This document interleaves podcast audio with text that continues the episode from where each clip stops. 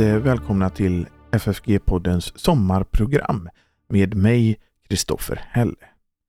Och idag är det bara jag här. Men först så vill jag påminna er om att om man vill ge en gåva till den här poddens och församlingsfakultetens arbete, gör det gärna på Swish. Numret är 123 100 5, 7. Alltså 1, 2, 3, 1, 0, 0, 8, 4, 5, 7. Och så märker man det med FFG gåva eller FFG podcast så kommer det fram till rätt mottagare.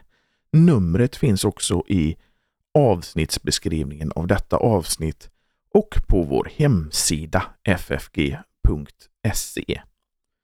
Och på vår hemsida ffg.se där finns också information om vad som händer på församlingsfakulteten i höst.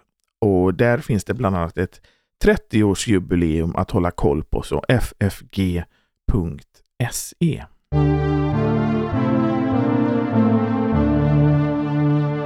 Ja, idag så är det bara jag här.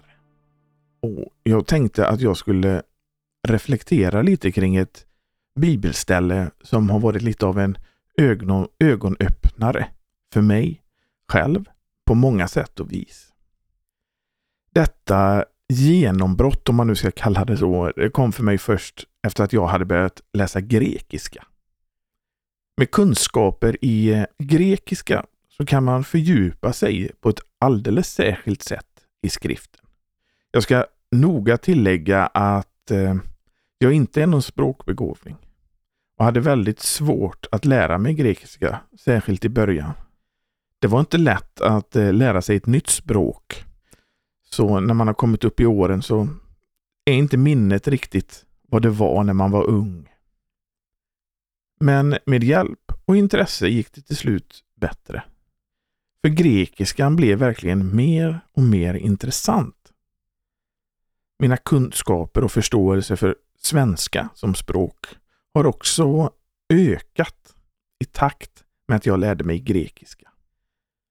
Och det var inte bara grammatiken, men också vad innebörden och var vissa ord kommer ifrån. Inte visste jag att eh, så många av våra svenska ord är låneord från grekiska. Man kan spåra många ord tillbaka till grekiskan som vi använder idag. Ett sådant exempel är ordet mono som är aktuellt i och med inspelningen av detta podd, denna podd och detta avsnitt. Jag spelar in min röst i mono, inte i stereo. Alltså, jag spelar in min röst ensam. Och det är just vad monos på grekiska betyder. Ensam. En annan sak är att jag har lärt mig olika betydelser för ett och samma ord. Jag kan ofta märka att jag för min hustru berättar om något grekiskt ord och dess ibland mångfacetterade betydelse efter en predikan eller bibelläsning. Den vers jag hade tänkt att eh, tala om idag är Markus evangeliets tredje kapitel och fjortonde vers. Han utsåg tolv som han kallade apostlar. De skulle vara hos honom och han skulle sända ut dem att predika.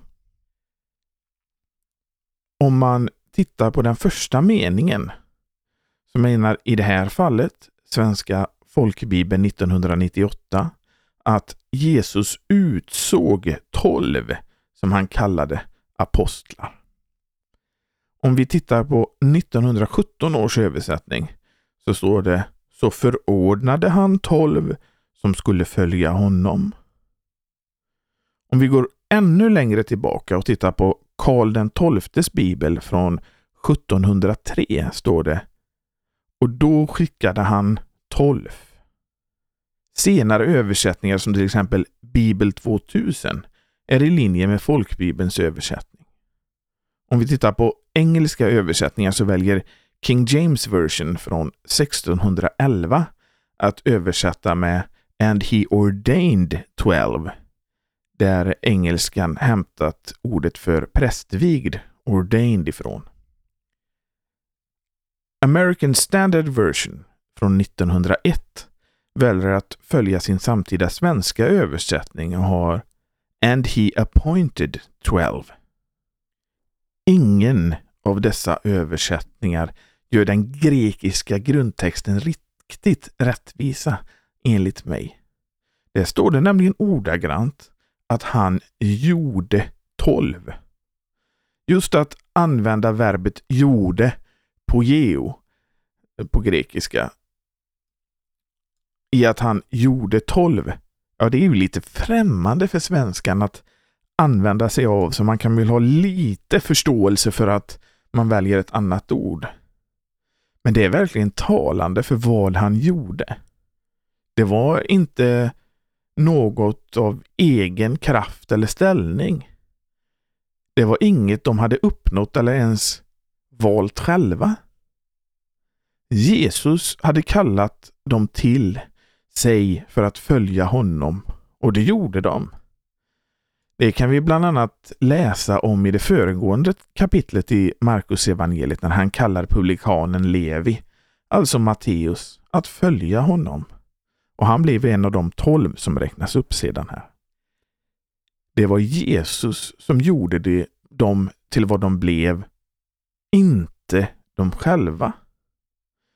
Visst fanns det de som följde Jesus i en vidare krets, men det var inget organiserat eller sanktionerat.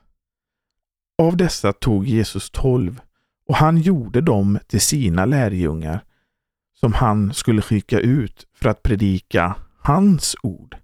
Precis som vi kan läsa om i Romarbrevets tionde kapitel.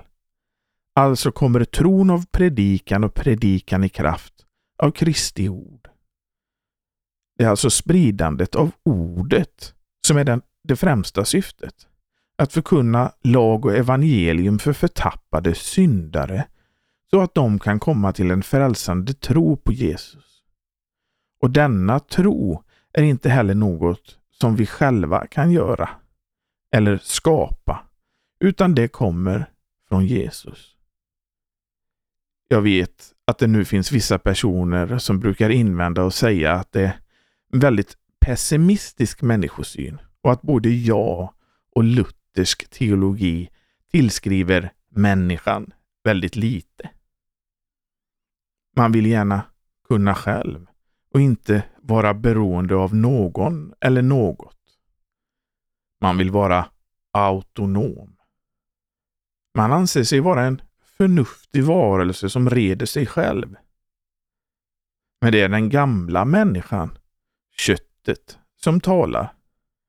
Sedan tycker jag inte att det är sant att luthersk teologi och jag heller för den delen har en pessimistisk människosyn. Luther, han säger ju själv att när det kommer till det som hör den här världen till så är det mänskliga förnuftet nästan något gudomligt. Men det som hör det andliga till kan inte förnuftet rå sig på. Det skriver aposteln Paulus om till församlingen i Korint. Ty detta budskap om korset är en dårskap för dem som blir förtappade. Men för oss som blir frälsta är det en Guds kraft. Och i detta fallet, när det kommer till det andliga och det som hör Gud till, så tänker man så mycket mer om Gud än om sig själv. Det är vad man kallar en hög kristologi.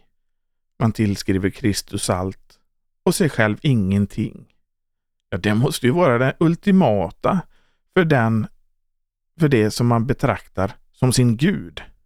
En allsmäktig Gud som har allt och det vill han skänka till mig och alla andra som vill vara krista, kristna alldeles gratis av nåd. Att Jesus gjorde tolv, ja, det gjorde han av ingenting. Innan han gjorde dem till vad de var, var de ingenting, men när Jesus kom och gjorde dem till sina apostlar, sina utsända och predika hans ord, till frälsning blev de också hans megafon. Tänk vad mycket man kan lära sig av lite grekiska.